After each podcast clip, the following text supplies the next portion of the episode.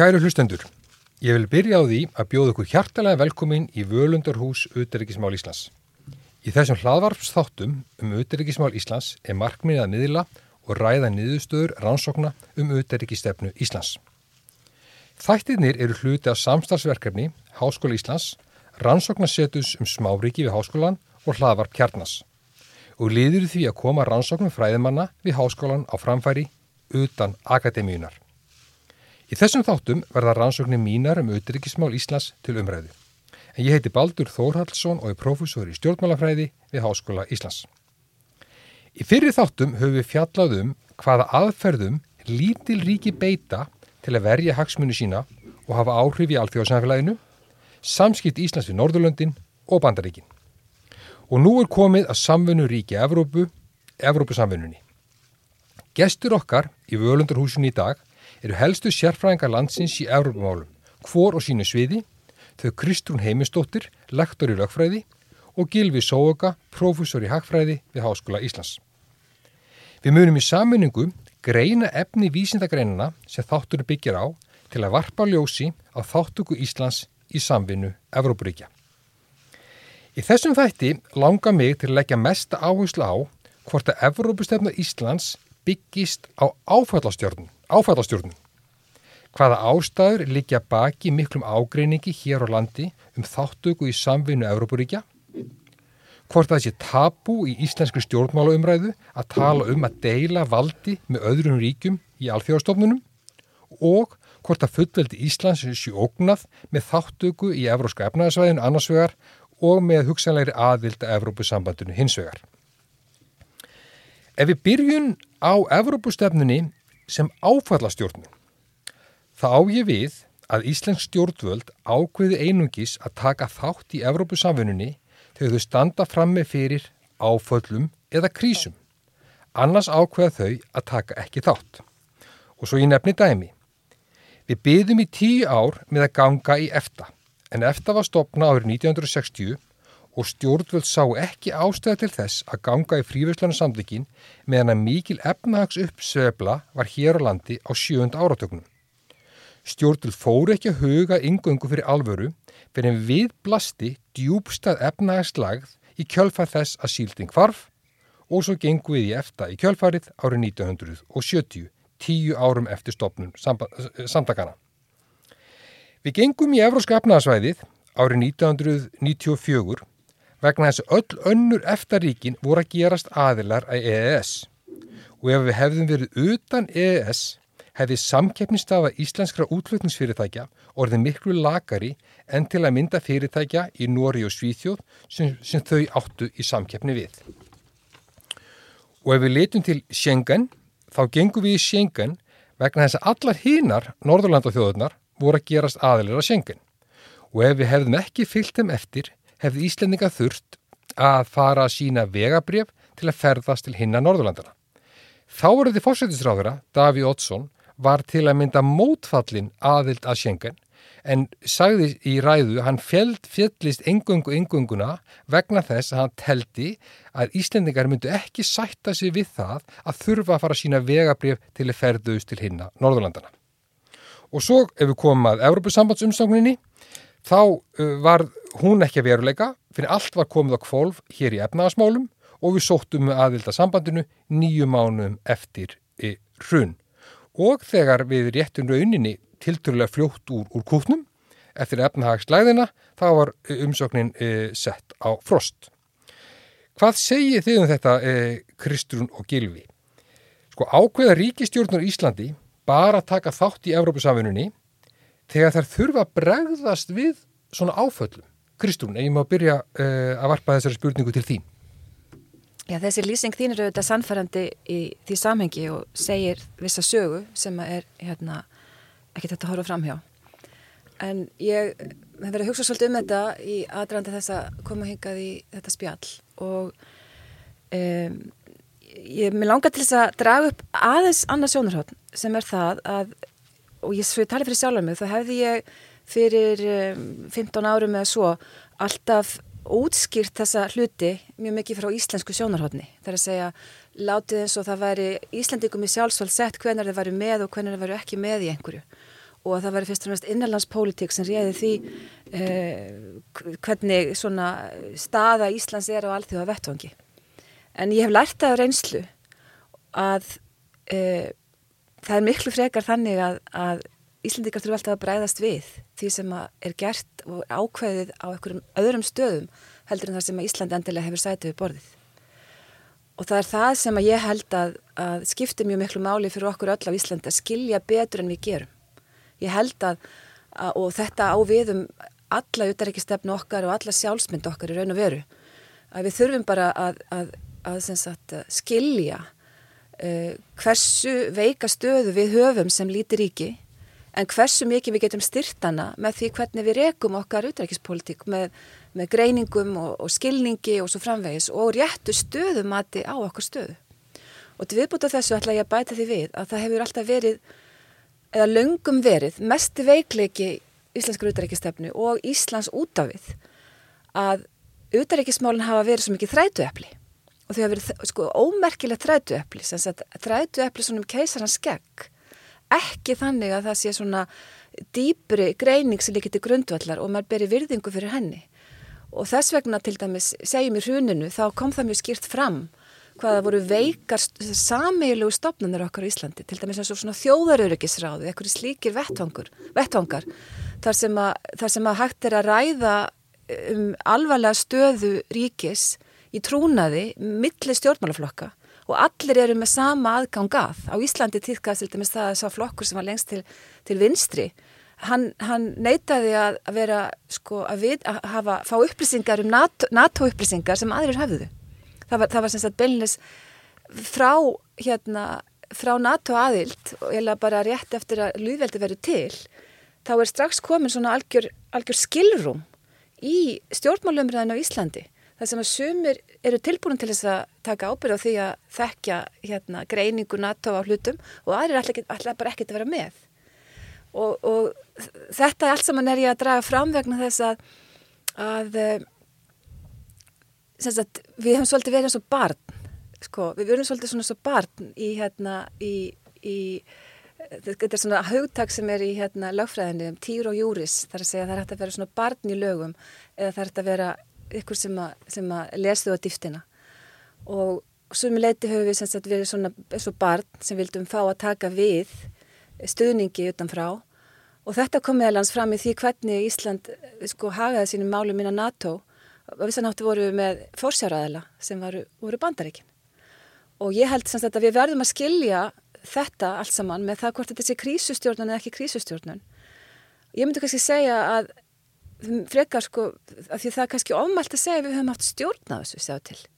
Þetta er miklu meira það við verðum að, við við að ákvörðunum sem aðri taka. Við verðum að bregðast við aðstæð það sem að ríkistjórnun erlendist taka já, eða Evrópussambandi eða eftir ég meina, þú veist, það kemur, það, það kemur svo tími í Evrópussamfunnu ytra að mann sko gefa ge okkur tækifæri til þess að koma inn í EES mm -hmm. það er kjarni málsins í því samengi svo dæmis í tekið, mér, þetta er svona mitt innlegi upphæfi, hvað þetta snertir. Hvað séð þú Gilvi, er Evrópustefnan áfallastjórnun? Ég held, ef maður lítur yfir Evrópuríkin þá kemur ákveði minnstur í ljós sem er það, það skiptir máli hvort maður treysti meira eigin stjórnvöldum eða Brussel. Þannig að í landum sem er í krísu eins og Greikland þá er almennu stuðningur við að vera áfram í Európa-samvandinu þráttur í allt vegna þess að mann treysta almenningu treystir betur stopnunum Európa-samvansins heldur en eigin fólki.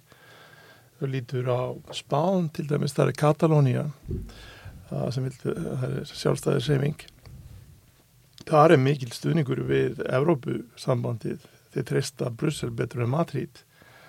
Um, svo maður sér minnstur í hérna Evrópu sem að litast af þessum trösti annars vegar á einn ein stjórnvaldum eins vegar á Evrópu sambandinu um, um og það má að segja eftir því sem landin gengur betur sjálfum þá sé meira tröst til eiginstjórnvalda um, svo Svíþjóð, Þískaland það tristaðir eiginstjórnvalda mjög mikið þráttur að vera hluti af Európa-samlandinu og Breitland var uh, sér að báti með lítið tröst á Európa-samlandinu og, og mikið mikla trúa einn stjórnvöldum. Þannig að það var ekki tilvíðin að Breitland sem fór út en ekki krísulandin í Suður-Európu svo það sama minnstur myndast hér þegar að þarna 2009 þá það sem gerist er að tröstið hverfur uh, til eigin stjórnvalda. Og þú veist ekki að fara endalastu við það hvað hefði mátt gera til þess að koma upp fyrir að það gerist sem gerist og þetta búið að vera tíu ára fjallum það. En tröstið fór og þá kemur mikil störingur við að fara í Európa-samvandi en svo þegar að hagkerfið nær sér á stryk og Evrópa á, í vandræðum mm. og fréttir eru alltaf þannig eins og núna, ef maður kveikir á sjónasfréttum, það er eins og einar sem sé að gerast í heiminu sem við Afganistan.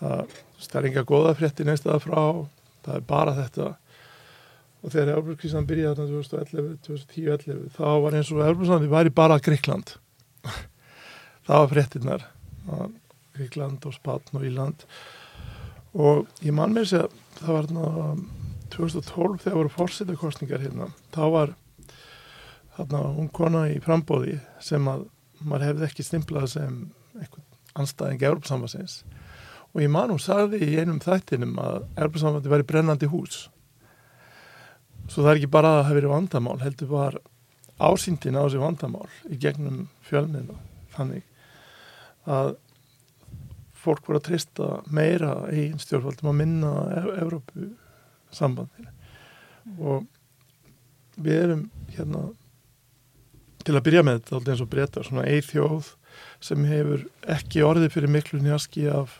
styrjaldum hérna í gegnum hérna síðstöld eða frekar hagnast á öllu með svona sjálfs ímynd sem að byggist á eigin verlegum krakkarnir lesa um að hérna, landirískjæltana við sigra breska flotan í, í hérna, orustum það var Bismarck og Hutt og svo var það ægir og einhver skip þarna fyrir utan og það ekki gera lítið úr, úr hugur ekki þarna að fara fara úr landhengina en, en að, þannig að við erum aldrei eins og, og Breitland held ég að þessu leiti og kannski enn meira eins og Breitland og og það hvort að við viljum meiri saman en ekki þess að þjóðin almenningur í skoðanakonum fyrir eftir þessu trösti Mér finnst mjög aðtiklisverð sem ég dræði hérna fram. Þar annars verða Kristrún ákvarðanir Erlendis og þú gilfi með, með, með tröstið Mér langar að nefna sko tvö dæmi.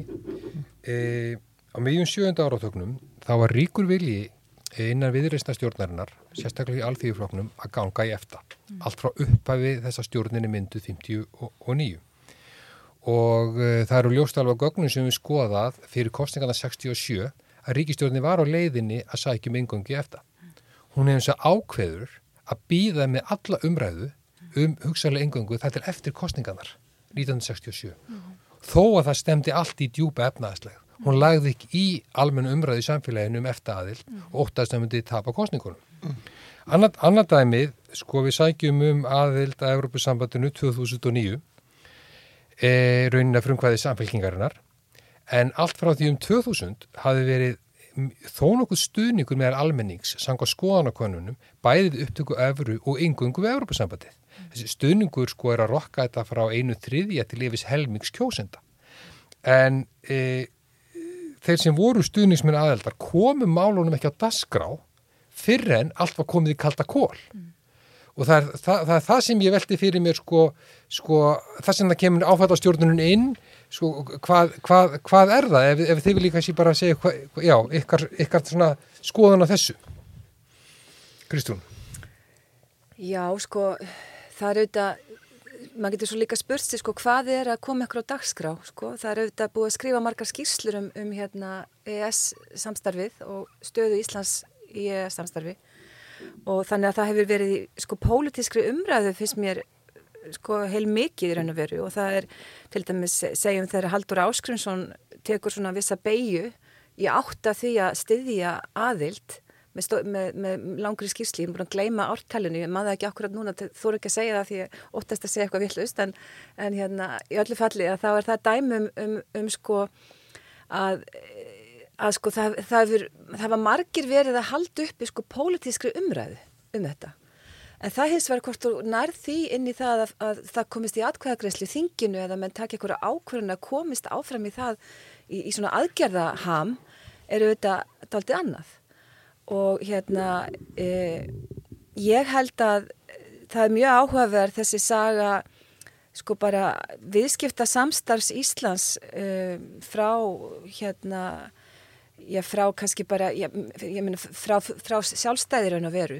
Og ekki síst hvernig uh, til dæmis það var gífurlega mikilvægt fyrir Ísland að taka þátt í norrænu samstarfi sem að fól alltaf í sér. Uh, þetta er nefnilega efni sem ég hef kynnt mér það fór alltaf í sér uh, sameila fundi Norrlandaríkja þar sem þau lögðu mata á það hvernig uh, Evrópu þróunin væri að verða, Hvers, hvernig samruna þróunin í Evrópu, hérna, hvað hún þýtti fyrir Norðurlöndin og þar með Ísland. Og þetta var, var samstarf sem Gilvið og Gíslast tókum ekki þátt í og, og svo framvegis og hafði ábyggilega mjög mikil áhrif á, á þetta mat allt hérna Íslandinga og Og þá komum við líka spurningunum um það af hverju, hvaða máli hefur skipt, hvaða ríki fóru inn í e, hérna, Evrópasambandi á Norrlundum og hvaða ríki fóru ekki og svo framvegis. Allt þetta hefur líka skipt mjög mjög máli. Þannig að sko, hvenar kemst þetta á dagskrá? Maður verður eiginlega að velta fyrir sér sko, sko hvenar kemst þetta til ákverðunar? Og þá kem ég aftur því sem ég sagði áður. Ákverðunar, valið um ákverðunar tíma hefur mér fundist ekki beilinnis vera íslenskra stjórnmálumanna. Gilvi, þurfu við sko rauninni djúbstaða efnaðslægð til þess að stjórnmálumenn hér á Íslandi taki það skref, eða legg í það að taka það skref að sækja um aðild að stopnunum Európa-samfunnunar og, og taka síðan þátt og þá á ég við rauninni, við erum að sækja um eftir aðildina þegar silding hverfur þetta er dýpstu efnaðarslæð sem við horfum fram á frá fjörða áratögnum. Það var mjög djúpstu efnaðarslæð hér í byrjun tíunda áratögur þegar við gengum í EES og svo hrunið tengslu við aðaldurumisjónuna. Mm. Þurfum við djúpstu efnaðarslæð til þess að taka þátt? Já, ég held að það sem, það sem kom hérna fram á þann að það er eitt að hugsa um þessar hugmyndir og vera á fundum og skrifa skýslur. Það er annar hvenar er lag til þess að reynda þeim í framkvæmt og stjórnmálamenn, vantarlega, þetta er nú út fyrir mitt, ég verði að gera greina mun á hagfræðinu sem ég kann, en stjórnmálamenn vantarlega hafa sans fyrir tímasetningu. Svo það er sennilega tannig og þegar það er krísa þá er þá er það ekki færið til að gera allsken sluti og það var ekki bara þetta sem hann gert 2009, ímyndilegt annað. Það eru ymsar stofnarnir sem voru ekki lagi hérna innan hans áður sem að voru lagaðar eftir 2009, svo það er svona krísaðar er ekki tækifæri til þess að gera einmislegt og maður neyðist til þess en það er líka tækifæri að gera það sem maður vil gera. En, uh, en, en hins vegar þú, þú sneiðir fram hjá kannski en, öðrum ákvörðum svona teknar sem að um, voru miðuð að því að, að að setja landið í þetta pólitíska landslag. Og það er þetta tengslega með bandaríkin frá 1941 mm. sko ég held að það var eina ákvörðun við kann Íslandshugunar rétt. Það var eina ákvörðun sem var tekin sem var farsalast ákvörðun Íslandshugunar sem var ekki tekin af neyð eða í krísu. Og það var þegar að, að Þískaland sem var þá undir stjórnarsista baðum að hafa hér aðstöðu mm. að búa til flugbröð og hafa aðstöðu hérna fyrir stríð. Um, það að segja nei við henni það var ekki krísustjórnum það var, það var svona skinsamlega ákvörðun sem er svona farsalast ákvörðun sögunar hérna. En það er bara líka sko ákvarðaninnar ákvarðaninnar sko sem eru uh, sem eru sko tekna með því að segja nei að taka ekki þátt sem gleima síðan í sögulegu samengi og það, það á við líka til dæmis í Európamálunum það til dæmis að við ákvöfum að gerast ekki stopnar eða urðum ekki stopnar eftir 1960 mm. við ákvæmum að stíga ekki það skrefa gangin í Európa-bandalagið mm. uh, upp úr 1960 mm. sko, þegar, þegar breytar Dani, Normin og Íra voru að ganga inn við ákvæmum líka að sækjast ekki eftir Európa-sambalds aðild eftir 1990 mm. þegar all, all, öll, öll, alla vina þjóðanar ekki eftir voru að gera það en við gleymum þessum ákvörðunum að það, það stíga ekki fram og þá kannski komum við að því, sko við höfum farið mikið hvað þætti hérna, það er þess að kannski efnahagslægðir, áfallastjórnun eða ekki, það er, það er, það er tröstið, e, sko hvað er að gera strunni erlendis ákvarðinni þar svo þekkjum við þess að gríðarlega átök sem verða um þáttöku okkar í samfunni og það er alveg saman hvort við horfum til EFTA, EES eða Európa-sambandsins. Hvað að ykkar, margt hefur verið sett, sagt um það, að ykkar mati, hvað skýrir þessa miklu anstöðu við þáttöku Íslands í samvinnu Evrópuríkja? Kristúr? Ég ég ætla þá að eiginlega taka bara aðeins landafræðina fyrir og rifja upp til dæmis með EES sam, samningin og það samstarf allt, þá eru við þar meðal tryggja þjóða, normanna og, og hérna Lichtensteinara og síðan okkar sjálfra. Þannig að þetta eru þessar þrjár þjóður sem eru þáttökendur í EES. Og ég, mér hafði lengi langa til þess að koma til Lichtenstein og, og sjá Faduts, hérna höfuborg Lichtenstein.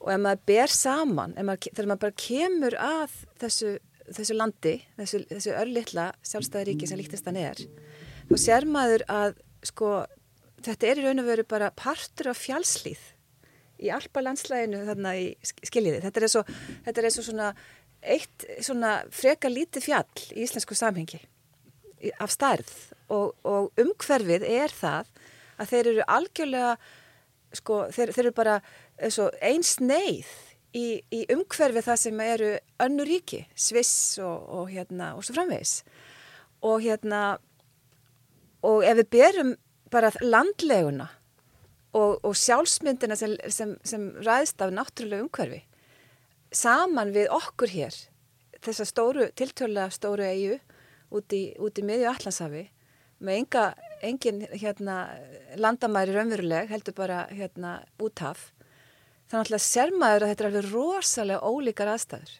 Og það er rosalega, það er sko ekkit skrítið að, að hugmyndir manna um stöðu sinni í heiminum og hérna allt þetta séu mjög ólíkar. Og bara tengslinn allt öðru vísi.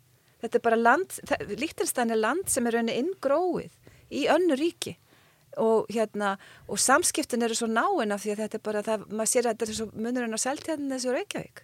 Þetta er svo vegamót, skiljiði. Við erum og það, sko, bara, bara þessi land, hérna, þessi, þessi landfræðilegi þáttur, hann hefur svo mikið að segja í því að hvernig við hugsum. Eru við á útjæðri Evrópu? Já, og, og, og samsum okkur ekki eins við já. aðra Evrópubúa eins og já, margir Já, það er ekki nokkur, ég hef lært það líka af svona rannsóknum mínum og, og hérna reynslu af því að vera, ég meina ég var hérna inn, mjög innarlega í hruninu á sínum tíma og fyldist mjög náið í auðaríkisræðandinu með öllu því sem þar gerist í auðaríkis samskiptum og, og ég hef lært það að það er miklu mikilvægir þáttur í stöðu Íslands í heiminum að við erum jáðar á jáðarsvæði, við erum periferi heldur en að við séum lítill. Það er að segja að maður getur verið lítill og maður getur verið mjög nálagt og inngróin í hagkerfi annara ríkja svo dæmis er tekið eða viðskiptakerfi eða, hvað, eða, eða öryggiskerfi annara ríkja. Og þá eru við innan dýra ef svo má segja. En það að vera á jæðrinum þýðir að, og það kom svo glögt fram í rauninu, að jæðarstaða okkar var það sem var það hættulegasta. Og þess vegna hérna sko afstæða bandaríkjana til okkar, afstæða hérna Evrópuríkjana, allt þetta það sem að, að við skildum lendi þeirri stöðu sem að aðalmaður allþjóða gældurisjósins í, í því að móta okkar plan kallaði Near Death Experience. Ég held að aðal ástæðan sem að, ef maður svona hugsa þetta bara hlutlægt hafi verið þessi periferi staða okkar. En, fyrir en, utan auðvitað alla vittlisuna sem við erum búin að koma okkur út í en, en sagt, í þessu samengi En hefur þetta þá, þessi jáðastaða okkar, hefur þetta þá áhrif á hugsunarhátt landsmann og stjórnmálumanna og, og leiður það frekar til þess að við jáðasettum enn frekar því maður hefur kannski jafnvel þá haldið að það ætti að leiða til þess að mann vildu sko, koma sér út af jáðurinnum inn að kjarnanum Já, það leiðir ekki til þess. Nei, ég, ekki, ég held nefnilega að við séum til dælu ómeðvitið um þannig þátt og ég held, að, ég held að við höfum alltaf skilið okkur þannig að veikleiki okkar veri smæð. Ég er að segja, veikleiki okkar enn meiri veikleiki okkar, það sem skýrir þetta betur heldur en smæðin er þessi jáðarstaða og ég held að við, við höfum tilnefingu til að líta okkur sem miðju heimsins sko, það er svona viss hérna kannski svona hugar villa sem við höfum sundum tilfinningu til, hérna, til hugsa svoleiðis. En í öllu falli að þá held ég að í mótun utarrikistefnunar innan utarrikisraðunitisins í stjórnmálunum á Íslandi sögulega og fram á okkar dag þá, þá bara vantar þessa skýrari greiningu. Og það kom öllum alveg óskaplega óvart að það skildi ekki bara allar þessar þjóðir, stór þjóðir, kínverjar, rússar, hérna, bandaríkjaman, Evrópusambandi, svo framvegs og framvegs. Menn heldur allir, það heldur eiginlega allir í dörrikistjónastund til dæmis, svona, svo ég bara segi það. Það var mjög, mjög hérna, sterk hugmyndum það að það var mjög margir sem vildu bjarga okkur í rauninu. Það komur ljós að við ætlum að bjarga okkur sjálf. Gilvi, að þínum að því, hvaða þætti skýri helst það miklu deilur sem verða hér um Európusamrunan og anstöðuna við Já. þáttöku í hún. Ég skal svara því og það er líka gott held ég að við eigum smá samtal. Þetta er áhugaverðið punktar. Um, sko, sko jáðarsvæði, en þetta er mikilvægast, hernaðalega mikilvægast að svæði um, sko kannski bara í Evrópu þú ætlar að finna svona landmassa sem er mikilvægur, þá er það Ísland og það var strax 1941 þegar við gerum samlingu við Bandaríkinn það var hannur ákvörðun og tengslið með bandaríkin voru stór þáttur í sjálfstæðilandsins og efnarstróun og, og, og við vorum hluti af þeirra vendarsvæði þeir farið út hérna mannró kenninguna þannig að við, Ísland væri hluti af þeirra varnarsvæði. Svo við erum á þeirra áhrifasvæði eftir, að, eftir síðar heimstyrjöldina um, og, og menningarlega líka stóru hluta. Mm. uh, erum við bandaríkja megin ekki Evrópum megin um, en svo vildi það svo til þannig að 2008 við vorum rétt komin út af því svæði sko, akkurat, akkurat. Eftir 90 vorum við ekki lengur mikilvæg. En nú vorum við aftur að verða mikilvæg. Ekki þannig að við ákveðum það. Nei, Þa, það, það sem er svo mikilvægt sko. Þa, það, er ekki, það er ekki okkar ákveðun en, en við erum svo blind um, svo ég segi eitthvað hérna, að þú áttur ekki vona að heyra að hérna, Íslandur er mikilvægt aftur fyrir bandaríkinn Svo ég fréttum hérna fyrir einu eða tveimur vikum að komi ljós þá var mynd af B2 sprengiflugvilum sem var að fara með inn í hérna flugskíli og það er þrjár B2 hérna, sprengifvilar staðsettar á keflagflugvilli núna. Og svo kom, var fréttin öllum það hvað þetta voru fínar flugvilar og dýrar í framlegslu mm. þetta er svo verið að lýsa nýri bílategund sko. En, en það sem ég dætti í ég var varnarsamlingur frá 51, ég fór að lesa þann, mm. er um varnilansins og það er hægt að útvika það eins og kapátavarnir af því að kapátar ókna Evrópa-bandaríkjunum en hver þessara vélar getur búið sex kjarnangusprengjur þannig að á Keflavík voru vopt til að sprengja upp átján rúsneska borgir þess að leggja Rúslandi í rúst. Og ef ég veit það þá veit að Rúslandir það. Og þetta er bara í útkverfi höfuborgarsvæðisins mm. og bandaríkinn sjálf myndi ekki koma B2 sprengjivélum fyrir Brooklyn. Þeir hafa þetta inn í landið þar sem að en við erum gerðslega blind sko, þess að við erum á bandaríkja áhrifasvæði og við, við erum ekki einu svona að gæta hagsmun okkar gagvart bandaríkjónum finnst mér. Þetta er ekki rétt. Nei, ég vissi það, mér langar, mér langar, ef ég má aðeins koma inn í þetta þá, ég, ég tek undir þess að segja, þetta er mjög mikilvægt nefnilega. Og og sko ég líst þessu áðan þessu með, með að batni lögum sko. Vera, og, og það var það er svo stór þáttur í, í því að skilja hvernig aðild að NATO aðild Íslands var að hún var, vissanáttu voru við svona með forsjára aðila, svona svo batni með forsjára aðila skiljiði mm. í, í, í hérna í innra starfinu sem það fyrir fram. Og, og það er bara svo minnistætt þegar að bandarækinn fóru hér fyrir, hvaða ár er það nú sem þeir fara, það er 2006 að það svo minnist að sko hvernig sko við höfum einhvern veginn leift okkur það muna á Íslandi og það, ég, ég sagði hérna veginn upphæfi okkar samtals var ég að rifja þetta upp hvernig sko flokkandi komur sumi hverju upp með að bara vita ekkert um til dæmis áhættugreiningar NATO og svo framvegis. Og, og þetta var bara partur í íslensku stjórnmálum einhvern veginn að, að kljúa allt í herða niður í staðan fyrir að vera með einhvern sammeiljan þjóðuryrkisráð eða einhvern slíkan vettvang það sem færi fram með einhvern vitræn greining á stöðu Íslands. Og þegar bandarækjumenn fóru þá var, það var mikil umræðum nöðsinn þess að gefa Íslandingum litteratúr. Það var hérna, bandaríski sendiðar hann gaf Íslandingum hérna, þjóðbóklöðinni bækur um öryggismál og, og við vorum hérna svo heppin að vera með þá frábæru konu Alison Bales munið eftir Já.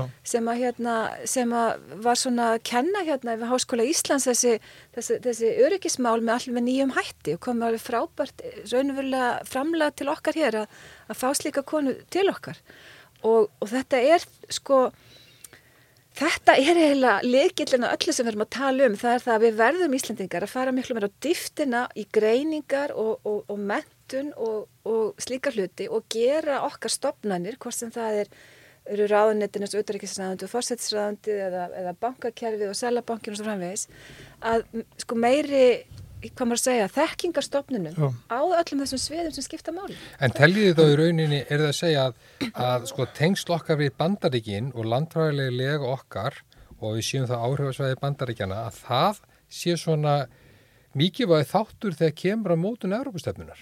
Og það sem ég ávið hér er að, sko, ég hef til dæmis skrifað um það að það var engin kvati fyrir Íslands stjórnvöld að taka þátt í Európusamrununum á sjöund áratökunum eða gangin í efta vegna þess að bandaríkjaman kom bara okkur alltaf til bjargar í hverju einustu efnaðarslæg til 69. Hérna, en viðskiptatengslinn voru mjög mikilvæg. Þau eru til þannig strax á 15 áratögnum. Þessi útlutningur á fiski og það voru umbóðin fyrir innflutninga á ákveðnum bandarískum vörum þau, og þetta var pólitíst tengt sko, hver framsvonarblokkurinn pluttin Chevrolet uh, og hérna Ford var sænlega hinum megin. Þetta var allt uh, helmingaskipti. Einflutningur, útlutningur uh, alla framkvæmdir á keflaug flugvelli þetta þóttu sjálfsagt mál. Og þetta er svona sko inn, innávið að sjálftaka sko, rendusók þess að sumir hagnast mjög mikið á þessum En, en, en hafði þetta áhrif, á Európusamrunum? Hafði þetta áhrif á vilja stjórnvalda eða almennings að taka þátt í er Európusamrunum? aldrei lis, ég meina þú sér hvað er að gerast í Eistrasastríkjónum, þau eru með hérna hættulegan nágrana, Finnland. Um, þau eru mjög langt frá bandaríkjónum, skipti ekki svo miklu máli fyrir hagsmunni bandaríkjana og þá bindaðu sig sem mest inn í Európa-samstarfið um, sem allra mest það er efru og hérna eru inn í, inn í, inn í, inn í þeirra samstarfi. En hérna þurfum við ekki að gera það eins mikið þess að við erum svo mikilvæg fyrir bandaríkin. Þessi að okkur stafar og hérna reynlega ef styrjöld brýst út að það verði barist um núna á, um yfiráðan hérna. En, en það hvort að við erum í Európsamþurinn ekki skiptir ekki svo mikið máli fyrir þessa hernaðar og þess að við erum hluti af bandarísku svæði.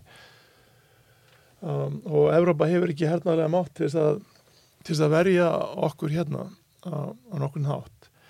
Um, og viðskiptængslegin voru mikil uh, og, og, og við vorum ekki beinleins fylki í bandaríkjum, við varum svona lítið barn Mm. setjum og, og þetta skapaði spillingu innan hans Heldur betur. En Kristján, er, og, og, og þessi spilling, hún er hjá þeim sem að réðu landinu þeir sem stjórnuðu hérna svo þeirra hagsmenni voru að viðhalda þessum tengstum sem allra mest um, og það skýrur þetta frekar en að lítja til Evrópu, frekar en að fara til. Evrópu. að því að þú, ef þú fer til Evrópu þá taparu hvað var það, eitt af því fyrsta sem gerðist eftir að við komist inn á ES-svæðið var að það voru sett samkeppnislög varandi Evrópu, þá þá er landið ekki bara útjæðari og svona svaklega hernaðlega mikilvægt heldur líka, þetta er svona homogen samfélag.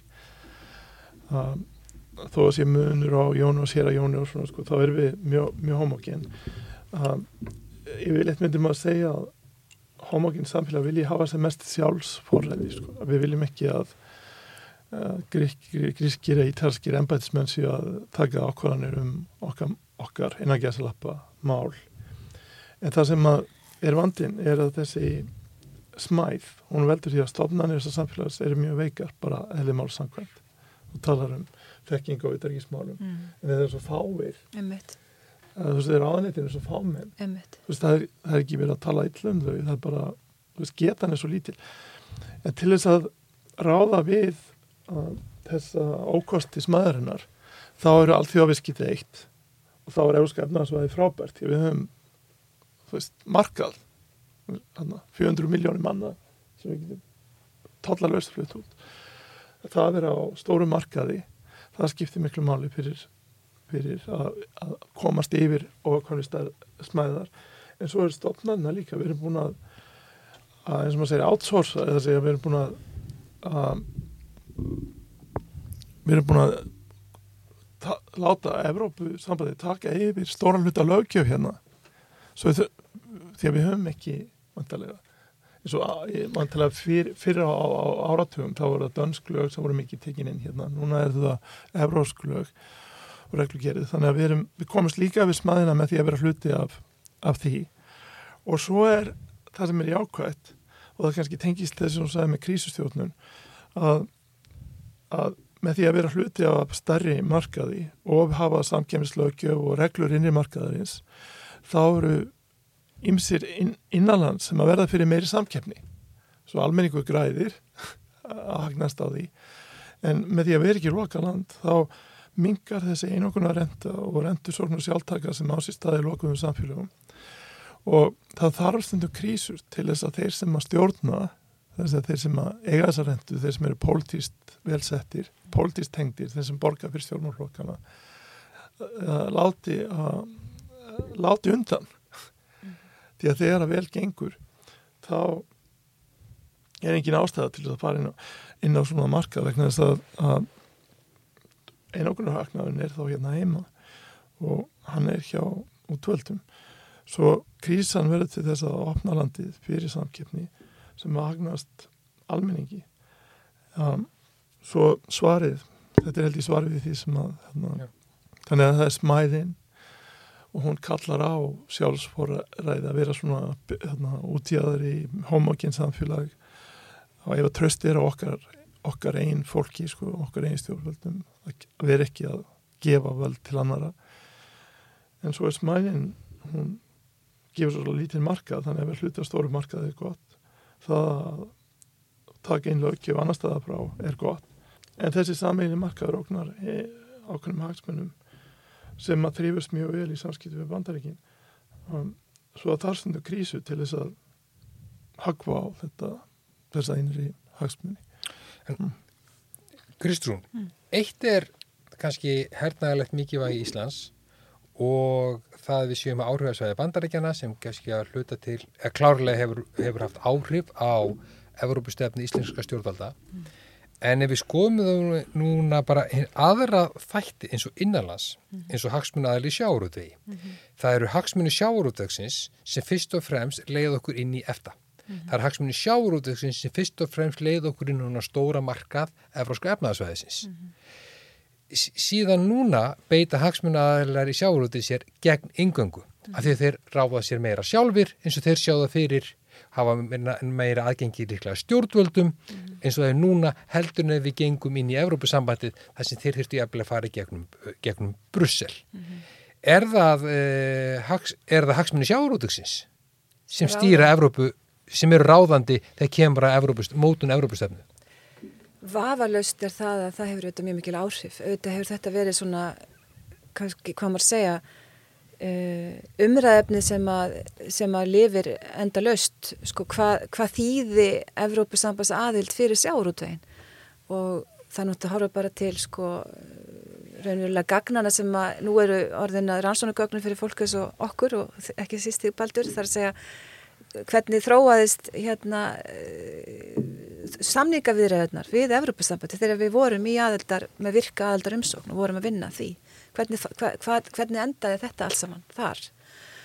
Um, en auðvitað er þetta sko aðeldina EES hefur auðvitað kannski það sem hún hefur en mestu áhrif hennar eða mikilvægastu áhrif hennar eru eins og Gilvi var að lýsa auðvitað, það koma leikreglur inn á okkar markaði, það koma leikreglur inn í okkar atvinnulíf sem við höfum aldrei haft. Og það er akkurat svo mikilvægt raun að veru að skilja munin á áhrifum þessara samvinnu okkar við bandaríkin og, og þessara Európa-samvinnu sem er bara sko að því að til dæmi segjum útbóðsreglur reglur um það að það sé ekki hægt að helmingaskipta eh, verklum framkvæmdum og keflaugufljóðalli milli hérna, þeirra sem aðhellast eru sko steyðja þannan flokk og hinflokkin heldur að það fari fram almennt útbóð og það sé einhvern veginn ofin markaður og til hagspota fyrir alla það kemur með Európa-sambandinu, og raunverulega. Já, og, Já. og einmitt það eru sko rauninni allir, allir atvinnugreinar hér á Íslandi nema sjávarútögur Mm. og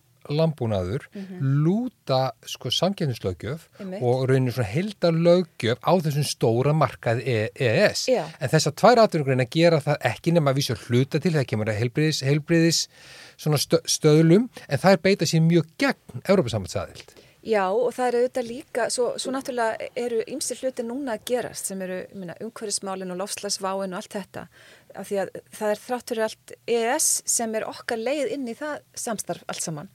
Þannig að, sko, það er tvent í þessu, það er annars vegar það að EES aðildin tvímarlaust hafi áhrif á það að styrkja fjölbreytni, aukna fjölbreytni í íslensku atvinnulífi.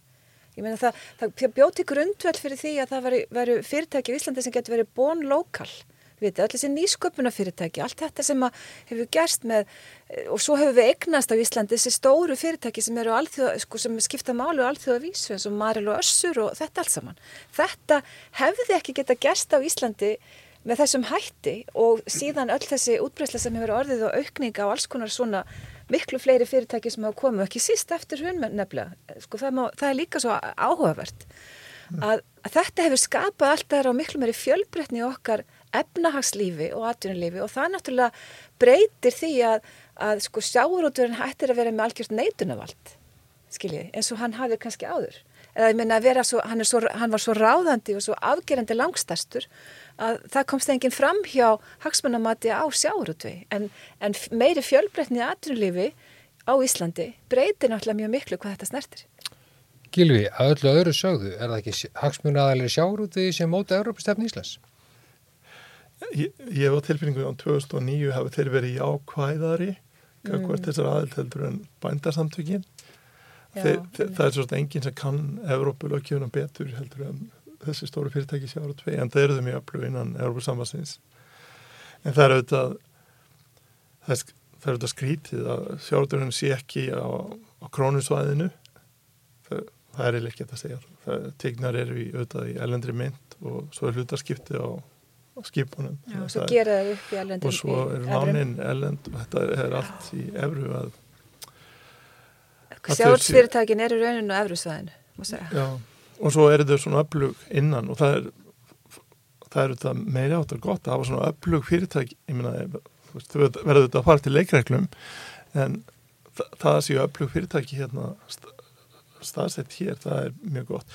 En en En það eru þetta skrítið sko að þau séu síðan að beita sér kannski gegnum fjölumila að heiftalega gegn því að, að landi fari allt hann einn og þá þarf grísu til þess að hagva á þann hút. Það, það er nefnilega sko, varðandi Ísland þegar bara skoða rauninni sko bara þátt eða svona þáttöku Evrópuríkja í samrununum það er svo mikið vægt að mínum að að skoða innanlandsþættina og það er ekki hægt að fullir það yfir öll ríki bara með einhvern einu, segja sér einni að þeir þætti sem er algjörlega ráðandi. Hér á landi eru við að tala um þess að sérstöðu sem við njótum með öðrunum Evrópuríki, eru tengsli við bandaríki sem það farið yfir. Það er náttúrulega mikið vægi sjárótiksins í hakkerfinu og, og stærð geirans bara hér, hér inn, innanlands mm. en svo er líka aðdeglisveðurinn hvaða miklu krafti sko lambúnaðurinn hefur allat í staði gegn mm. þáttöku í samfununni og að rauninni byggðastefna hér, hér á landi, hún hefur mótast sko í gegnum lambúnaðurinn og hún gerir það stóru hluta en miklu meira heldur hún gerist í, í í, í Evró, öðrum Evrópuríkin sem við viljum miða okkur sama við og við til dæmis tökum ekki þátt í uppbyggingarsjóðum eða byggðastefnu e, e, Evrópusambandsins í gegnum, gegnum EES og inn í þetta langar með sko að bæta síðan sko hvernig kostningakerfi hefur verið hérna. Það er sterk staða sko landsbyðakjördamanna sem þannig til nýlega höfðu sko hlutastlega mjög fleiri þingmenn og þingi mm. með við sko kjósendur heldur en höfuborgarsvæði mm. og hagsmunir sko land, landsbyðaðurinnar eru hagsmunir sjáfúröðus og lamb, lambúnaðar þess að tekja geira sem hafa verið mjög, mjög skeftisk í gagvart þáttöku í, í, í samfunni. Mm. Þannig það eru, það, eru, það eru þessir þættir sem eru svona ólíkir ólíkir eh, hér heldur en annar staðar og svo, svo ég tala ekki um sko, svo, sem við hefum ekki komið inn á það er þessi sko orræða um sjálfstæði og fullveldi mm -hmm. það er mjög aðdeglisverð sko að skoða sko bara orðræðuna til dæmis um yngönguna í Allarsansbandalagi 49, Já. yngöngun í EFTA 1970, yngöngun í EES 94, umræða um hugsaðlega aðelda Evrópusamtur 2009 og við getum sko farið aftur til ársins sko 1908 þegar erum að deila um svo kallar uppkast hér á landi við tengsli við Danmörku. Það er að skipta þessum orðum út, uppkast, NATO, EFTA, EES og ESB og nota sömu, sömu setningarnar. Mér langar að bæta við þetta þeim punkti að, að sko, það er alþjóða orði við fullveldi sem er, sko, er í rúsnesku, allum hérna, svona málum og, og, og hérna latínu og allir þessu og það er hérna sovereignty eða suverenitas eða, það, þetta orð er allstaðar eins. Við erum með sérstætt orð, fullveldi. Íslenskan er með sérstætt orð sem er fullveldi. Og við skiljum þetta okkar skilningi. Þetta fyrirbæri. Og hérna, og þetta sem þú ert að segja er alveg laugrétt og það er, auðvitað ástæða fyrir þessu og ég ætla bara að koma þá aðeins úr annari átt heldur en kannski fyrir, áður fyrir þessu, þessari samtalið okkar. Auðvitað er það ótrúlegt afrega Íslandingum fyrir kynnslafum skilti takast að, að bjúa til þjóð meðal þjóða úr þessu litla landi okkar hér. Og að við skulum vera hérna ríki sem að hérna eru stopnaðalega öllum helstu alþjóða samtökum er bara ótrúlega merkilegt fyrirbæri. Og í raun og veru ætti ekki að hafa verið hægt. Það er miklu svona lógiskara að við séum eins og færiðar eða álandsegjar eða bresku eigarnar eða eitthvað slíkt. Það er miklu lógiskara. Og þetta upplifum að þegar maður fer að, eins og ég hef gert, ég, ég hef svona túrað að því var aðstofum að rutarikistráð þegar þá fór ég og satt og prófaði að sitja á allum þessum fundum allar þessar alþjóðastofnana og bara horfi í kringum mig og, og sjá hverjir eru þar og hverjir eru þar ekki.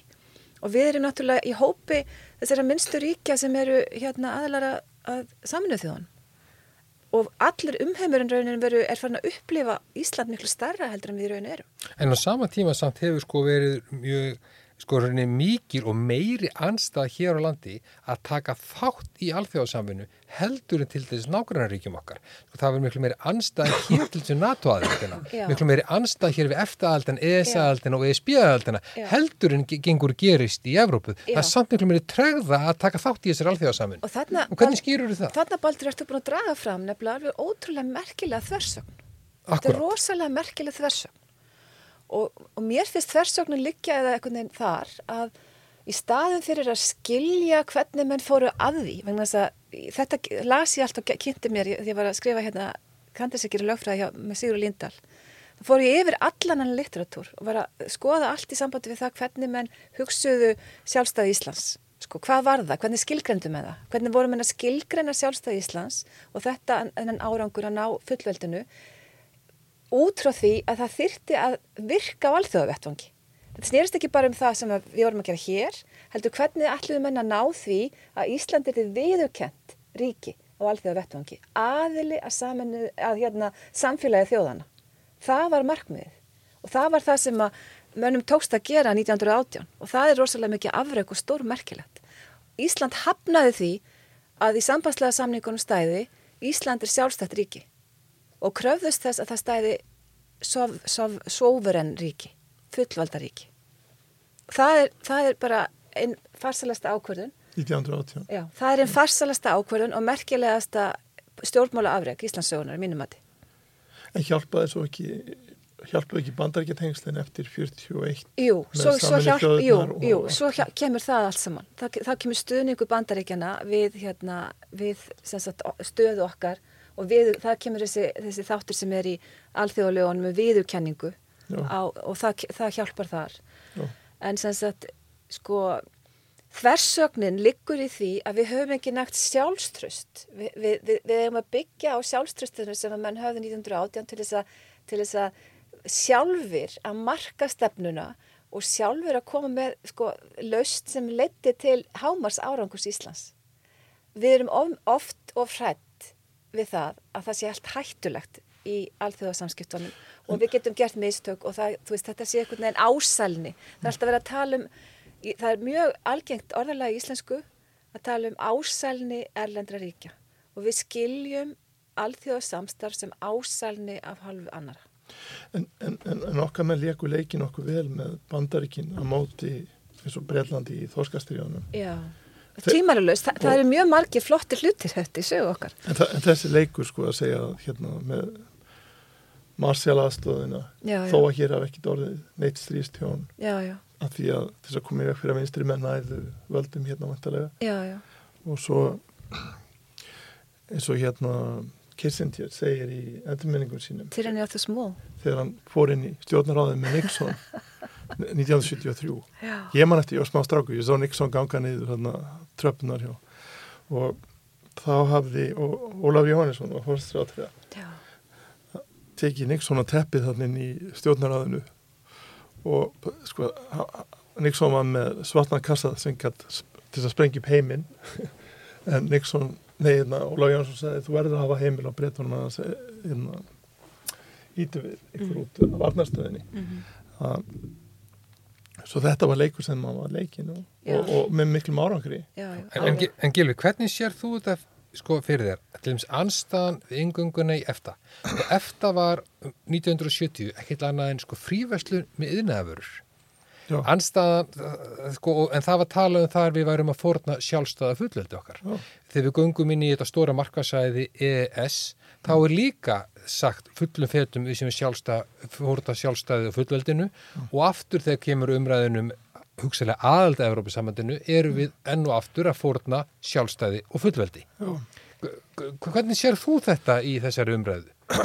sko maður getur notað það orð sem maður vill en það verður þetta hagsmunir þetta 1970 var það hagsmunir yðnaðar svo yðnaður og akureyri sem að laðist af mér og minna vegna eftasamningsins. Þegar ég var í skóla hérna barnaskóla það mann ég að ma ma það voru tvennskonar úlpur, grænar og bláar allar framleitar sama, sama og svört og græn stígvél og svona sko. Að það var allt framleitt meira minna innanlands. Þau vissi ekki stígvélin, þau komið frá Finnlandi en úlpurnar og þetta allt saman svo eftir það hafði för með sér lægri lægra vöruverð og betri lífskjör almennt en það bytnaði milla þá á einhverjum ákveðnum aðilum innanlands, auðvitað tímabundið allavega En er þetta þá bara sko rauninni tal, er þetta rauninni bara orðræðan per se sem menn fara að nota til þess að sko að verja hagsmunni einhverja ákveðna yðgreina eða hagsmunni sjáurúðins eða lambúnaðarins og er þetta þá rauninni bara tal, orðræða sem menn nota, sé varpa fram til þess að styrkja sko uh, sinn málflutning. Orðræðan skiptir rosalega miklu máli. Það er En- engin váð því. og það er, en ég held að eitt hættulegast orðið sé orðið við að það þýðir að allir séu eins og allir með nákvæmlega sem hagsmunni og sumi tali fyrir okkur okkur sem að, að það er mjög hættulegt ég man ég var það var einhver hollenskur uh, aðli sem var að gera þáttum hruni sem maður vildi endilega taka mig í viðtal 2011 og 12 og, og hann leita á mig bara sem þýr og, og, og, og orðaræðan var hvort ég hefði persónulega ekki verið í einhverju miklu klandri, fjárhagslegu klandri og eitthvað svona sko. Ég sagði nei, það var ekki til gangi og svo, hann skildi það ekki sko, að það voru kannski tíu einstaklingar sem bára ábyrða á allu mest megninu af þessu ruggli sem gerist hérna fyrir 2008 um, en, að- en við, já, við hagst sjálfstæði okkar og þetta, að það er hættulega orðaræða. Að yfirleitt er einhverju hagsmunir á bakvið. Um, Er, er orð, er orðræðan um sjálfstáðu fullveldi fyrir sláttur til að tryggja að tiltingna hagsmunni? Hún getur verið það, hún getur verið það og það, og það er náttúrulega bara eins og allt, allir hlutir að, að við þurfum að hafa þroska og það þarf að vera umræða sem er á dýftina í, í okkar stjórnmálum og okkar hérna, samfélagi. Við þurfum að Við þurfum að hafa hefni og vettvanga, umræðu vettvanga, það sem að svona hlutir eru, eru afhýðaðir, sko. Við tökum, tökum þetta í sundur og skoðum og, og áttum okkur hvað býra baki. Og svo má ég til með að nefna, því að við hefum ekkert nefnt það, að við vorum náttúrulega í þessum í sambandi við Evrópaaldin og eftir og allt þetta, það voru náttúrulega líka alltaf að spila leika tömur skjöldum á Íslandi. Við vorum náttúrulega líka í viðskiptum við rússa, eða Sovjetríkin öllu heldur fyrir ekki, mm. Sovjetríkin og hérna, og það er nú daldum mikið viti því að segja að Akureyri hafi hrunið með Sovjetríkan svo dæmis að tekið. af því að hérna, af því að Akureyri og þetta allt saman, yðnaðurinn á Akureyri og, og þessi Akureyri var eiginlega svona hálfgjörlega vissan hátt svona sjálfbært samfélag? Það bara menn, menn fengu allt sem að fólk þurfti á Akureyri var framleitt á Akureyri. Á, á, á, á tímabili og það byggðist ekki síst á viðskiptunum við, við, við Rúsland og viðskiptum við Rúsland voru allt öðruvísi alþjóðaviðskiptu heldur nokk tíma það sem við þekkjum núna í EES sko það var ekki þessi opnu, opnu markaðaviðskipti, það voru svona eitthvað svona, hvað kallast þetta í hagfræðinni hérna, Gilvi, svona Barter, vör, já, vöruskipti, vöruskipti. það voru vöruskipti. Og Við það, fengum Moskovits og Volgu. Já, þeir fengum Lopa og, og hérna og svo leið sko. Já. og þetta er rosalega við meðum ekki gleyma þessu. Og það, það sem er líka kannski við höfum glemt aðeins þegar við erum að ræða þetta pólitíska, þá, þá voru náttúrulega stjórnmálflokkar í Íslandi sem litu á þetta sem algjör að snilt. Að menn var að leika á, á báða aðila í kaldastriðinu og varum með báða aðila góða og, og, og netu góðs að því og grættu stórlega á því. Og, og það er, sko það eimi nú að þessu enn, eins og til dæmis... Uh, í uh, samskiptum okkar við kínverk stjórnvöld eftir, eftir, eftir hrun þegar við leitum raunin eftir pólitísku efnaðarslögur er aðstóð frá þeim já, já. og svo rauninni koma band og Rúslands og svo koma bandar ekki með núna og, og segja raunin hingað og ekki lengra í samskiptu okkar við Kína og, og, og eru tilbúin að stíga hér inn aftur að hluta til vegna þess, til þess að takmarka raunin eins og þeir sjáðu áhrif Kína í Norður Allandsafi en við förum betur í þetta í næsta þætti sko Já. sem við ætlum að skoða sérstaklega sko en leikum aftur þennan sama leik sem við ætlum að tala um sko. En þetta er leikur sem allir leika. Bandarikin er engin engil þau leika nú aldrei sína leiki.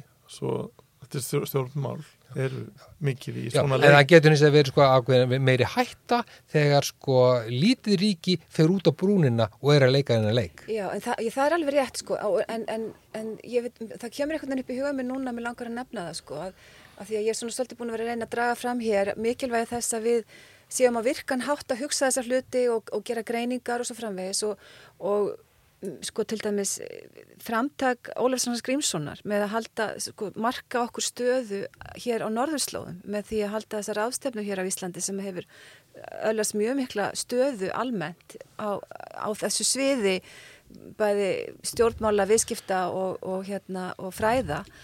Sko þetta er það sem að ég held að þetta sé svolítið viti um það, eða sko hvað maður segja, þetta er fordæmi sem að við eigum að, að að taka upp á fleiri sviðum sko, við erum að breyða út, þetta Já. er það sem við þurfum að gera held ég, af því að þú ert að tala um þess að viðkvæmu lönd sko, horfum til Grænlands. Við veltum fyrir okkur hvað hva það er að gerast eftir að Donald Trump kom og sagðist til að kaupa Grænland fyrir áriða einu hálfu. Sko, þetta, þetta er kannski það sem er allra næst okkur sko. Og, og hérna og Og þarna er, er kannski hérna, eitthvað að gera sem er nýtt degla sem er mjög mikilvægt fyrir okkur að, og, og sagt, ég held að sé til góðs. Mér langar aðeins að halda áfram með þessa sko, umræðu eða orðræðin um fullveldi og sjálfstæði. Við þekkjum það frá bara stjórnmála umröðu mjög margra Evrópuríkja mm. að sko þar eru stjórnmálamenn margi hverju stoltir af því þeir talu mikið vega þess að deila valdi með öðrum ríkjum. Mm í alþjóðastofnunum og í stofnunum Evrópasambatsins. Mm -hmm. Þeir leggja fram sko sína stefnu það, og, og eitt af markmunum er að deila valdi með öðrum mm -hmm. til þess að tryggja sína hagsmunni. Það sé leiðin til að tryggja sína hagsmunni. Já og það, það sé fullveldi. Og það sé fullveldi, já. Það sé beinleis fullveldi að vera með hinn. En, en er það hins, þetta, þetta er, þessu öðruvísi fari hér, mm. er, er það tapu í íslenskri stjórnmálaumræðu að segjast vilja deila valdi með öðrum ríkjum? Já, ég held að sé að sko við getum hugsað okkur þetta fallega ljóð sko hver á sig fara föðurland að hérna hvað, hvað segir þar? Ísland sé aldrei öðrum þjóðum háð. Þar sé hugmyndum það að það sé einhvern veginn það sé slemt að vera háð öðrum þjóðum. Og nú nefni ég aftur þetta sem ég nefndi hérna upphafi um, um landleguna sko og hvernig þetta er í Líktenstein sko þeir bara eru það, þeir eru samgrónir sviss, þeir eru samgrónir sem löndum Mm. Þannig að það er bara ekki spurning um það. Vi, meðan við á Íslandi upplifum eitthvað neð þessa eigarstöðu okkar sem styrk, sko, aftur svo í vittni ljóði eftir höldu. Sko, við erum fjari öllum, öllum átökum. Hér, stríði kemst ekki til okkar af því við erum örug á þessari eigu. Þetta er svona Ég held að þetta skipti allt saman mjög miklu máli. Og það er ekki til í því. Og það er mjög mikið til í því. Þetta er, þetta er sannleikur. Það, þetta er ekki, ekki, ekki vittlesa. En, en, sko, en það, það er tabú, já, sko, það er, og við, að, af því að þú notar á við tabu, þá eru við stödd í mjög erfiðu tabúi hvað varðar lögfræðilegu hliðina á aðild okkar að EF-samstarfinu og Evrópusamstarfinu. Það er, það er í raun og veru þannig að, að, að upprunlega þegar við göngum inn í, inn í, þetta, inn í þetta kerfi þá er gert lögfræði álit á alþingi sem er svona grundvöldu þess að þetta sé lögmætt að gera þetta og fórsenda þeirra atkvæðagreyslu sem það er fram. Í þau ár sem liðin eru, sko er það núna að fara að gerast aftur og aftur og aftur, það er alltaf verið að fá hérna, fræðimenni lögfræði til að koma álit af því hvort að við séum ennþá, það sé ennþá lögmætt að við séum innan hérna, ES og þetta er svo, þetta er ótrúlegt ójapvægi á milli þessu raunveruleika að, að sko allt samfélagið hefur gjörbreyst vegna EES og svo hitt að lögfræðin eiginlega stendur í stað, frosinn í svona, í svona hugtaka deilu um það hvernig ég skilgreina eh, heimildir Íslands til þess að taka þátt í þessu samstarfi. Hversu víttakar að séu, hversu djúft að mig fara og svo framvegis. Við komum aðeins inn á það rétt á eftir, mér langar bara þess að klára umræðinu um þess að eh, fullveldu sjálfstæði gilvi er það takmarkandi á frjáls viðskipti við umheiminn þessi orðræða jafnvel tapu um að það deila valdi með öðrum? Breitland það er svona mjög stakku mynd af Íslandi mm. og þessi orðaræða hefur valdið tjóni þar að tala um við og þeir og að við þurfum ekki á þeim að halda og allt er betra hjá okkur og fara út úr erfarsamandinu það er að valda tjóni hjá þeim á, á margan hátt. Það væri mikið í fréttum eða það væri ekki fyrir COVID þetta sem er að gerast í Breilandi þessi að þjóðarninsíkja sem að veldur einangrun í viðskiptum eða að fólk geti farið á milli landa krakkar geti lært í öðrum landum að það er það er tjón sem erður og tala ekki um fyrir svona lítið, en lítið landi eins og okkur þú veist að það, það munur á hérna að vera sko eins og ennsku nationalism mm -hmm. eða mhm. patriotism þess að maður getur verið þjóðurremba eða þjóðurnis, bara þjóðurnis sinni já, já. maður getur verið örugur með sitt eigi þjóðurni og verið ekki með minnum á það kent vegna einn þjóðurnis mm -hmm. en verið samt að ekki þjóðirnis higgja þess að vera stífælt að flokka hver er við og hver eru þeir. Þjóðirnis remping já, og, og sækja það besta til annar landa og búa eitthvað hlutaæfinar annar staðar sjá að fólk í öru landum er bara eins og við með sömu svipað líf og svipað áhyggjur og sjá að það er svo mikið sem maður getur hagnast af því að svona samneiti sko bara, bara að, að sjá hlutina kannski aðeins öðruvísi að hérna læra af öðrum eiga viðskipti við aðra fara eftir einhvern sammeil og regluverki. Þetta er svo mikil hagur fyrir um, svona lítið land og, og fyrir stórulandi líka. Ég man eins og við höfum það aðeins persónleira þar mann að vera svona í byggin alltaf. Alls ekki, alls ekki, alls ekki. Ég man ég fór eins og hérna það fyrir löngu síðan við kerðum niður Mósildalinn með fólkdurum mínum og svo stoppuð við, það var svona Simmerfræ og þetta og þetta var svona 1982-3 og það, hérna, húsræðandur voru þá til áttræðisaldri.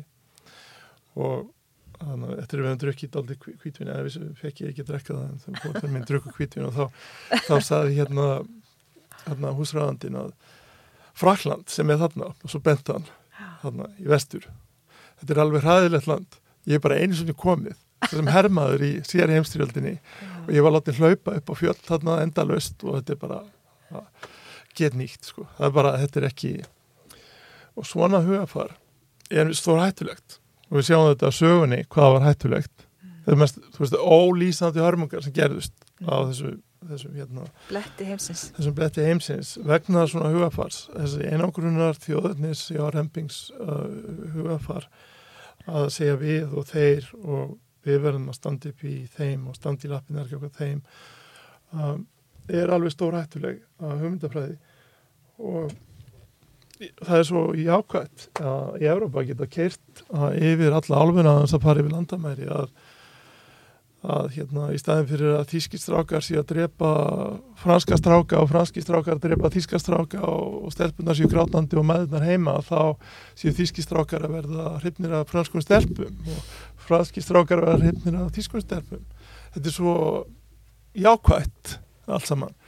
Um, en þannig að, að þjóðinnisekja sem er ekki það sem kallum þjóðastolt eða þjóðpatriotism sem er að vera ánæði með hvaða maður kemur og hver maður er. Aðeins að vera að gera lítið úr öðrum eða draga fólki dilka. Um, er hérna stórhættulegt fyrir viðskipti og fyrir stjórnmála þróun og, og fyrir heiminn. Og við hefum séð þetta í populismannum síðustu 5-6 árin hva, hversu hættulegur hann er. Og mesta hættan sem stafa núna af Vesturlundum held sko þið menn tala alltaf um Rúsland og Kína en ég held kannski að stjórnmála þróun í bandaríkjanum sé, sé það sem að maður ætti að hafa mestu ávikið en þeir hafa sína stopnanir, stjórnarskrána sem að er að halda þessu í skefjum. Mm. en maður bara óttast að við séum bara sko eins og það sem gerist þannig í byrju januar að það sé bara hálsbreytt frá því að stjórnarskrána gefi eftir. En, við, en ef við klárum þessa umræði núna um kannski evróska efnaðsvæði eins og Kristrún var að koma, koma hérna inn á áðan. Og það er náttúrulega aldrei sko, sko, það er aldrei merkilegu samningur samningurinn um evróska efnaðsvæði sem gefur okkur aðganga á þessu stóra markaði sem við höfum farið yfir. Við höfum að taka yfir e, nær alla lögjöf sem varðar markaðin nema á sviði sjáfrúðugs og lambunamála en samt heilmikið á sviði svona helbriðismála, e, matvæla öryggis og, og, og, og vinnuvendar og ímislegt, svona vinnu, vinnuvendarlögjöfina eða vinnulögjöfina mm. Og síðan eru við líka þáttangadur sem gleimis mikið í íslensku umræðu í rauninni sko áfallastjórnuna krísistjórnuna Európa-sambandsins mm. og það sem ég ávið bara þegar það er að bjarga sko evróskum borgurum meðal Íslandingum sem eru út um allan heim mm. þá koma, kemur Európa-sambandi þess aðstóð okkur við það mm. e, við erum að taka þátt í sko aðgerðum með Európu til þess að berjast gegn faraldrum gegn, mm. gegn eh, COVID, mm. við tökum virkan þátt í þessu, við, við fáum bólöfni í gegnum aðald okkar EES Jú. en að, að gegnum EES og situm þessar fundi á, á stopnunum Európa-sambandsins sem lúta að þessum málum, gríðarlega miklu mikið af málum þegar kemur á svona áfattastjórnun á heimsvísu. En á sama tíma eru við alltaf rauninni annarsflokks vegna þess að e, við erum yfirleitt að taka þessa lögjöf yfir eða þessa ákvarðarinn yfir mm. án þess að hafa mjög mikið um þar að segja og þegar kemur að hennu hefðbundinu lögjöf ES þá er mjög erfitt og torsótt fyrir Íslands stjórnvöld að hafa áhrif á lögjöfuna. Mm -hmm. Við höfum síðan rött þegar kemur að þessi áfallastjórnun en loka ákvarðunin er alltaf í höndum Evrópið sambandsríkjana. Mm -hmm. Sko, ja þá langar mér bara sko spurja ykkur er þessi staða sko ásættanleg fyrir jærunni fullvalda ríki og Kristun, hvernig samrýmist þetta áherslunum sko á fullveldið og sjálfstæði sem við erum búin að vera að tala um? Hvernig, hvernig gengur þetta? Runni er ekki alveg að gangu Sko þetta, þú hittir nú hér á, á mjög mikilvægt efni eða atrið sem að hérna, ég hef satt þessi hugsa mikið um og ég hef hugsað mikið um þetta meðal annars vegna þess að fyrir hvað tveimur árum þá, þá var ég e, þáttakandi eða tók ég þátti því sem hérna leti utarækisræðandi að gera skýrslu um EES samstarfið stöðu þess og stöðu Íslands á því. Og ég tók þátti að, að semja þá skýrslu og formaði nefndarinn af Björn Bjarnason fyrir handir á þeirra og, og við settum saman hérna að mínum að frekar innhalsríkar umbóta tilugur um það hvernig við eigum að hafa okkur í þessu samstarfi og við vorum að leggja mjög mikla áherslu á það eftir að hafa ferðast og, og hitt mjög marga aðila sem að sem að, hérna, að þessu öllu koma og, og reynda að kynna okkur þetta eins vel og við mögulega gátum og, og þetta var heilmikil vinna og að tók, fór yfir heilt ár og, og við hittum gæsilega marga bæði hér á Íslandi og líka í öllum aðaldaríkjum ES og svo víðar innan Európa Sambassins og í Brussel og svo framvegis. Og við erum að leggja svo miklu áherslu á það að Íslandingar taki miklu meira, meiri þátt að því að við getum gert það, við höfum möguleika á því að skipta okkur af miklu, miklu málum á frumstíi innan Evrópu kervisins. Við bara gerum það ekki. Við gerum allt og lítið af því. Þannig að mín, mín viðbröð við þessari spurningu núna eru, eru verða mjög ákveðin þau að við þurfum að gjör breyta okkar hugarfæri hvað það snertir hvernig við tökum þátt í eða samstarfun. Taka þátt í sérfræðingahópum á frumstíi þegar við verðum að byrja með eitthvað stefnumótun og tilteknum sviðum, velja okkur sko hvað er það sem við eigum að beita okkur virkilega í vegna þess að þetta eru, hér eru með stóra hagsmunni fyrir okkar íslenska samfélag. Allir þessi hlutir eru hlutir sem við getum gert miklu betur heldur en við höfum verið að gera og við höfum verið svo upptökin af sko sem halla þið vitið, það er, svo, það er svona það er að segja að, að Ísland þurfa að vera hraðara í því að, að myndi ekki halla en EES að það sé Ísland sé á eftir að afgræða ykkur mál þannig að þau komist ekki í, í formlegt hérna, ferli og verða lögum og allt þetta. Þetta er umræðan sem að yfirteg er svona hefur verið mjög með ráðandi. En, en við erum að segja við þurfum að fara miklu meira inn í það að, að líta svo á að við höfum eitthvað sérfræðatekkingu að við getum farið inn í hérna, og haft áhrif, stefnumatandi áhrif meðan að uh, ES lög, þessum verður síðan að lögjöf Evrópasambassins og þar með að lögjöf hérna, ES meðan verður að móta hana. Og það getum við gert. Og ég held til líka að faraldurinn sín okkur að við erum með vísindastarf á Íslandi sem er fullkólega sko, stennst samanburð. Okkar, hérna, okkar viðbröð hér og okkar vísindamanna við COVID-fældunum hafa verið þannig að fólk hefur hægt að áhuga því annar staðar og vilja að fá í samstarf og framvis og þetta en, skiptir mjög miklu máli. En þessar tilugur ykkar eru er mjög góðar og, og ég er alveg sammálaðar það er að vinna miklu nánar og meira og innan framkvæmt á stjórnar Európa sambandsins mm. með einstaklega Európa ríkjum til þess að reyna að hafa áhrif á lögjöfina en er samt sko, sko stofnana uppbyggingin uppbygging eða ekki bara einfallega þannig að e, við eigum mjög erfitt uppbrottar og verðum alltaf að bregðast bara einfallega við það sem aðrir eru að gera. Sko það er það er matsatriði og það getur farið eftir sko, sko ég myndi ekki draga svona almenna álugtunum að þetta sé ómulett kjörfi fyrir okkur. Það, það finnst mér ekki vera rétt að segja það. Þetta er staða sem að hérna, það skiptir geysilega miklu máli að eftir domstólinn hafi sterkastöðu. Það skiptir mjög miklu máli fyrir, fyrir ES að, að hann sé ekki bara hérna, sko hann hafi sé einhvern veginn jafnsettur eða hafi, hafi þá stöðu innan kervisins að hérna að það sé tekið marka ánum og, og svo framvegis og þetta auðvitað höfum við reynd í henni fræga ISEF máli og niðurstöðunni í því máli. Það, það, það er saga, öll ISEF sagan er eitthvað sem að verður að nota til þess að skilja stöðu okkar í Európa-samstarfi. Það er bara þannig. Já. En þetta var setning sem þarf vilja að tala svo út frá meira. Já, það er alveg rétt. Það er kannski efnið heilan, annar, annar þátt. En, en Gilvi, þá út frá þessar umræðu um getu okkar til, eða möguleika til áhrif eina EES, ha. út frá hagfræðinni. Skiptir ykkur máli hvaðan gott kemur? Ef að þessi lögjöf sem er að koma gegnum EES tekin af Európa-sambandinu er svona góð Já. skiptir ykkur máli hvort Íslandingar hafa mann að segja eitthvað að segja mann eða ekki En ég haldi ef að Ísland væri þarna inni þá væri það ekki smáreik í sjáratvegi svo það geti haft áhrif að mótun uh, regluna á sviði mm, mm. ég held að hérna almennt sér sé mjög holdt fyrir stjórnvöldi hverju ríki að taka þátt í svona sameilir ákvæðantök en verð ekki eins og ball sem tekur bara við því sem aðra ákveða að stundum hefur maður ekkur áhrif og jáðurinnum stundum meira áhrif eins og kannski sjáratvegi en, uh, en maður er allavega þáttakandi og veit hvernig umræðan er og hvað er að gerast annars. Já, það er líka svo mikilvægt að skilja þetta eðli Evropasambansins að þegar, man, þegar verður að móta stefnu á okkur nýjum sviðum þá byrjar það eiginlega næstu því svona svona fræðarsamstarf skiljiði. Ja. Það, þetta, er ekki, þetta er ekki samskonar sagt, valda struktúreraða hérna, staða eins og eins og þegar mann eru komnir beinlinnins út í alþjóðar samninga þetta er, ekki, þetta, þetta er eðli þessara þátt er svolítið annað. Og þess vegna sko, eigum við þennan möguleika á því að bara mæta, við getum komið og verið með á sérfræðinga fundi um tiltekin atrið svo sko sem, sem hver, það, hver annar það, Þú myndist á uh, hversu mikil hagur er af samstarfi eins og í barat við faraldurinn. Já. en sjáðu hvernig uh, fjölmiðlar fjallaðum það mál hérna og þannig að almenningur hvaðan les. Þegar Európa-samlandi var á eftir mm. í þarna. Já, já. þannig að framlegsla bólefnu þar var ekki eins mikið á bandaríkjónum og breytar voru á undan Európa-samlandinu í bólusetja.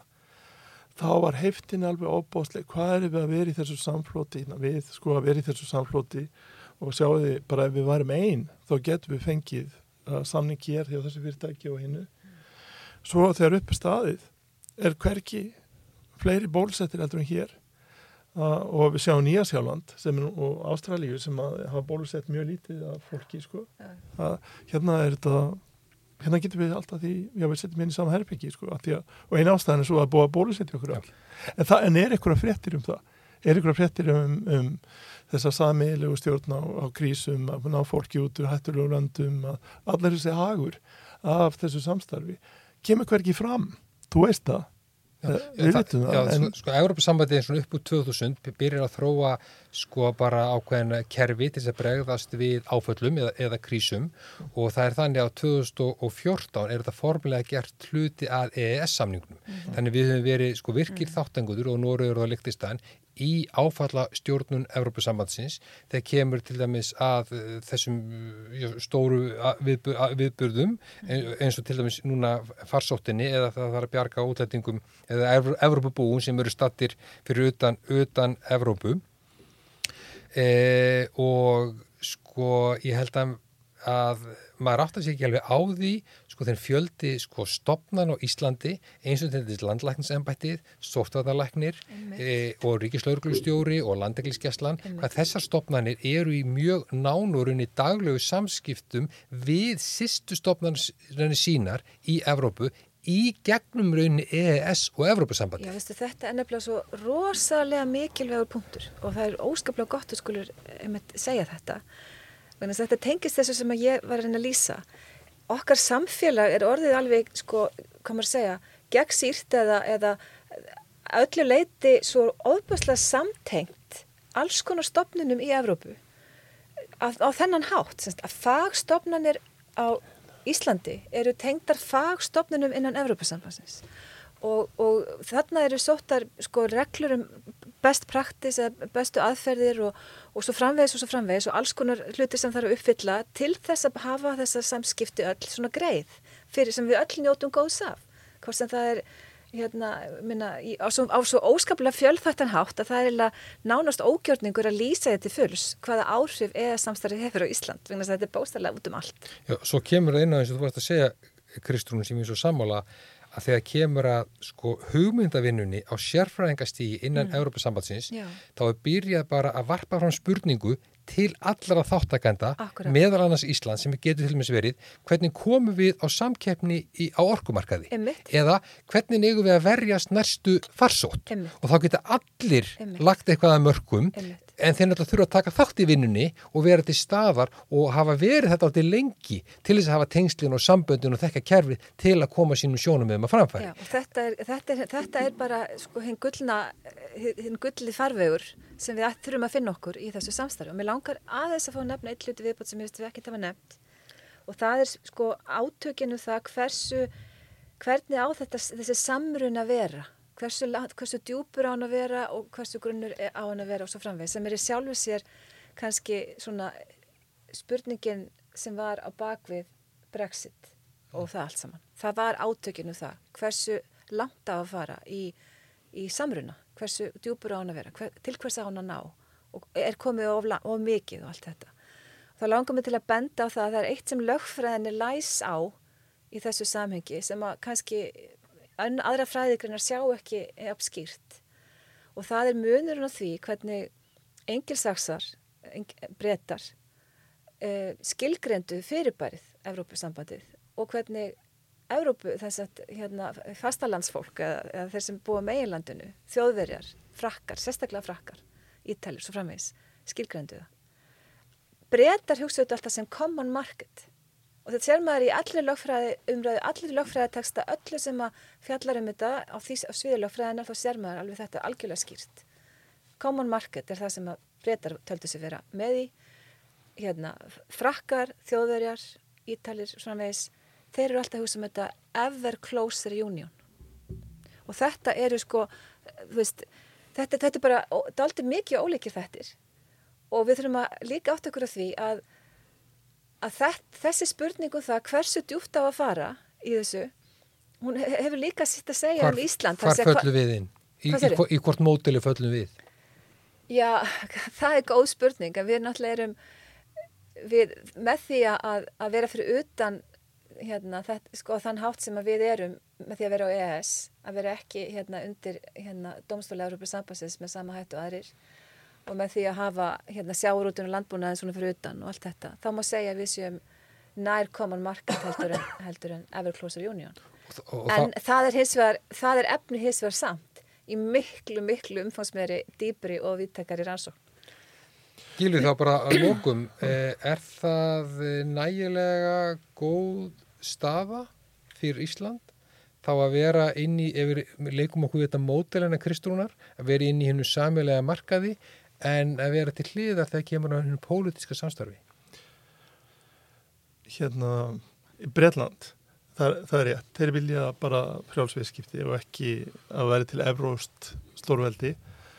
Og eitt af því sem þeir gerðu á sín tíma var að beita sig fyrir því að Östurjárabríkin væri tekin inn. Og hluti af hugsunum á bak við það var svo að það er mjög erfitt fyrir Frakland og Þískland að búa til sameilet ríki með Rúmeni og Búlgari og öllum hinnum inn, inni þá er þetta meira sameilu markaður. Því að ef þú vilt búa til ríki þá þá er kjör aðstæður ef það er bara vestur-Európa, ef Ítali, Frakkar og þjóður er á það en ef þú tekur alla hina einn Mér langar að má ég skjóta því inn? Bretar voru gífurlega stuðnust með þess að Ísland er aðili að Europasambandinu já, hann 2009 Já. já, þeir sendu nýjan sendi þeirra var ekki? Já, þeir að bara voru geysilega, þeir voru mjög áframum og voru þeirra, þeirra eh, helsta sjónamika hvort Íslandi var að það var mjög gott að fá Íslandi já, því að við erum á svipari línu Já, þeir- já. en, en, en hérna þeir, þeir beittu sér fyrir þarna Östur-Európu landin kemi inn og held ég af þessar ástæðu því að þá er minni líkur á að þeir því pólitísk dýfkun og meira meiri líkur á að þeir því viðskiptabandar en, en svo gerist það að, að Östur-Európu var fara að flytja til Breitlands Já, já, í 100.000 að tali. Með og þá hjálpaði það til að búa til þessa anstöðu að þeir fara síðan út uh, úr á þess að svo sem sérstaklega ástæða til þess því að uh, þessi uh, þetta afhluta vinnu það hefur almennt staðið sér mjög vel í Breitlandi og, og, og ekki undan því að kvarta og ekki haft hann áhrif á, á launa þróun með innfættra að það sé ástæða til að gera þetta. En þetta var eina ástæðan fyrir því að að atkvæðagreyslan um útgönguna fór eins og hún fór. Þannig að svona smá kaltaðinni í því. En, en eitt með Breitland annað að breski stjórnmálamenn þeir, þeir öll þessi ár frá 75 þeir töluðu aldrei fyrir þessu samstarfi. Að, það sé að það sagt að Tony Blair hafi haldið eina ræðu í hérna Oxford á lokuðum fundi um hvað Európ samstarfi verið gott og svo í franska þingina á En, hva, en, en hvað með íslenska stjórnmálumenn? þeir Það- það- aldrei það, þetta er eitthvað sem er ekki maður, ég er ekki eða það, það er það sé að sé sett fram á svona málefnaða hátt kostir um, svona samstarfs án þess að vera í einhverjum skotgröfum Og, og hvers vegna heldur að það sé? Sko, veit að það er ekki eitt rétt svar við því, sko, þetta er bara spurningin um að velta þessu fyrir sér, sko. ég held að sé auðveldur að, að skora mörk í pólitík með því að hafa það til ja, óttagavert útlöndum þjóðniskend við erum öðru sem þeir.